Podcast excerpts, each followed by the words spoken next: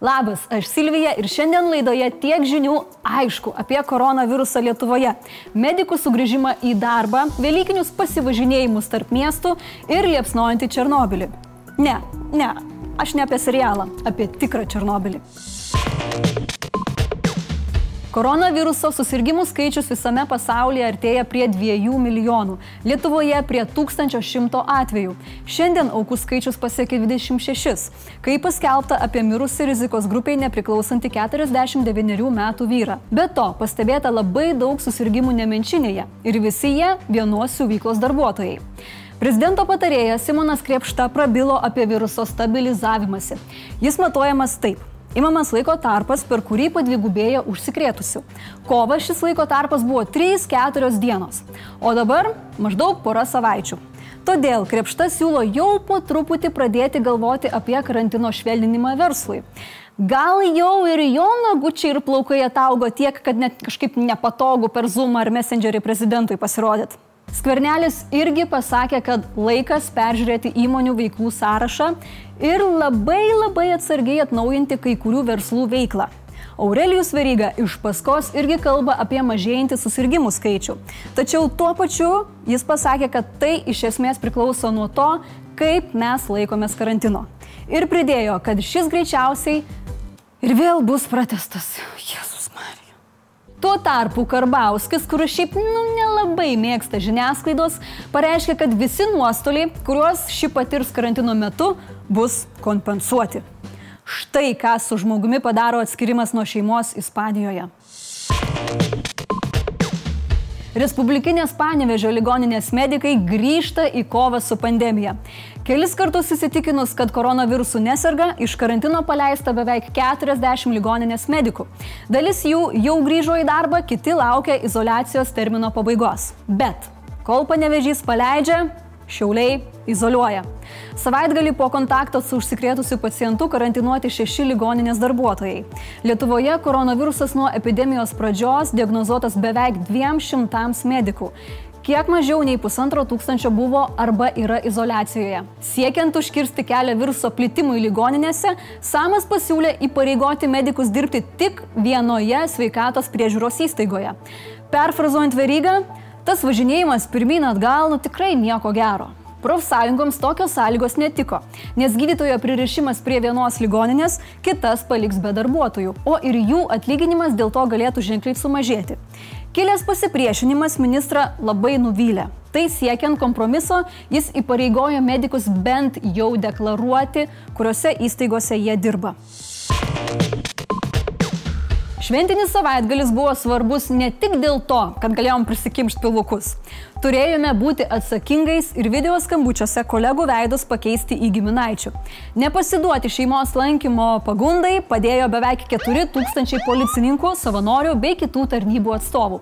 Patikrinta apie 100 tūkstančių vairuotojų, o kas šeštam liepta apsisukti. Vienas dviratininkas, važiavęs iš Anikščių į Ukmergę, nesugebėjo įrodyti, ko ten važiavo ir irgi turėjo minti keliasdešimt kilometrų atgalios. Visai gera treniruotė gavus, manau. Tokie dalykai tik gėlytės. Mat patikros punktai atsakomybės išvengti neleido keliems nusikaltėliams. Ir čia aš net nekalbu apie neblaivius vairuotojus, iš viso apie karantiną nežinojusius. Štai Kaune Trys asmenys sumušė jaunuolį, atėmė kuprinę su kompiuteriu bei pinigais ir pabėgo su Chrysleriu. Po pusvalandžio tas pats Chrysleris sustabdytas viename iš Velykinių policijos patikros postų. Pareigūnams paprašęs dokumentų, vienas plėšikų padavė ne savo, o sumušto jaunuolio asmens dokumentą. Nužiauriai originalus būdas pasiduoti. Aišku, buvo ir nepatenkintų. Vienas tokių jokių supergalių neturintis žmogus Marius. Aš jau prisistačiau žmogus Marius. Jūs tik vardą. Viskas, viskas. Žmogus turi vardą ir viskas. Šis sustabdytas antiherojus atsisakė pateikti dokumentus ir pasitikrinti blaivumą, o išlipęs iš mašinos spyrė vienam iš pareigūnų. Įdomiausia, kad žmogus Marius įvykį pats nufilmavo ir įkėlė į Facebooką. Tik po nakvynę Šiaulių areštinėje ir pradėtos bylos nusprendė įrašą ištrinti. Panašu, kad po radioaktyvaus Mariaus įkandimo įgauni mažiau proto ir daugiau drąsos kovoti su pareigūnais. Tai čia kaip žmogus voras, suprantat? Aš čia nesupratau, bet man paaiškino. Daugiau nei savaitę dega miškai Černobilio zonoje. Ukrainos pareigūnai tikina, kad padėtis kontroliuojama. Tiesa, gaisro židinyje radiacijos lygis pašoko 16 kartų. Kitur, kaip tikina tarnybos, radiacija išlieka normos ribose.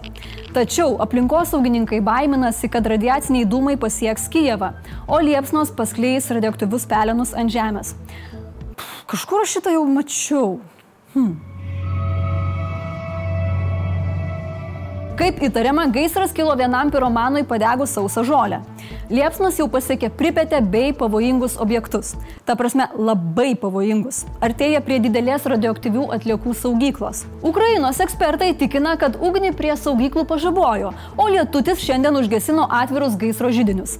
Bet net jeigu, nagrinai teoriškai, jos ir užsidegtų, nu tai ten nėra kam degti. Žodžiu, situacija šiuo metu yra... Not great or terrible. Radiacinės saugos centras ramina, kad Lietuvoje radiacinis fonas nepakitęs ir gaisro dūmai mūsų nepasieks, nes vėjas į šitą pusę nepučia. Tikiuosi taip ir bus. Man serialas tikrai labai patiko, bet kažkaip antro sezono nu tikrai nesinorėtų. Blitz naujienos. Prezidentas Gitanas Nausėda vetavo Seimo priimtas pataisas, kuriomis keleiviams dėl karantino negalėjusiems išvykti į keliones būtų dalinami kuponai kitoms kelionėms. Anot prezidento, toks įstatymas pažydžia silpnesniuosius. Vos prieš metus įsteigta Laisvės partija pirmoji užsiregistravo Seimo rinkimams. Gaila, kad į Seimą partijos patenka ne pagal registravimosi greitį, nes pagal reitingus su 2 procentais Laisvės partija kartelės neperliptų. Lietuvių kompozitorė Žibuoklė Martinaitytė nugalėjo šimtus konkurentų ir tapo prestižinio Guggenheim fondo stipendininkė. Dėl šio prestižinio įvertinimo Žibuokliai jau ėmė plūsti pasiūlymai. Labai džiaugiame Žibuoklės laimėjimais ir siunčiame pačius didžiausius linkėjimus.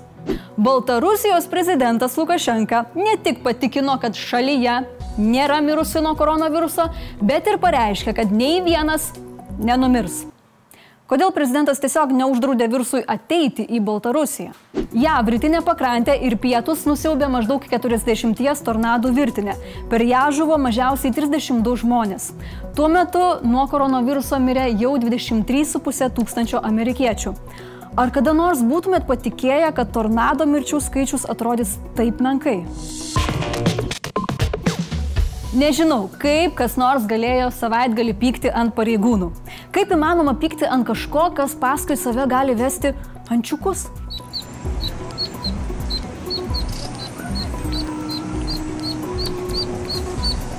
Ačiū, kad mus žiūrite ir remiate Patreone. Nepamirškite prisidėti prie iniciatyvos Laikykitės medikai. Ir tiek žinių.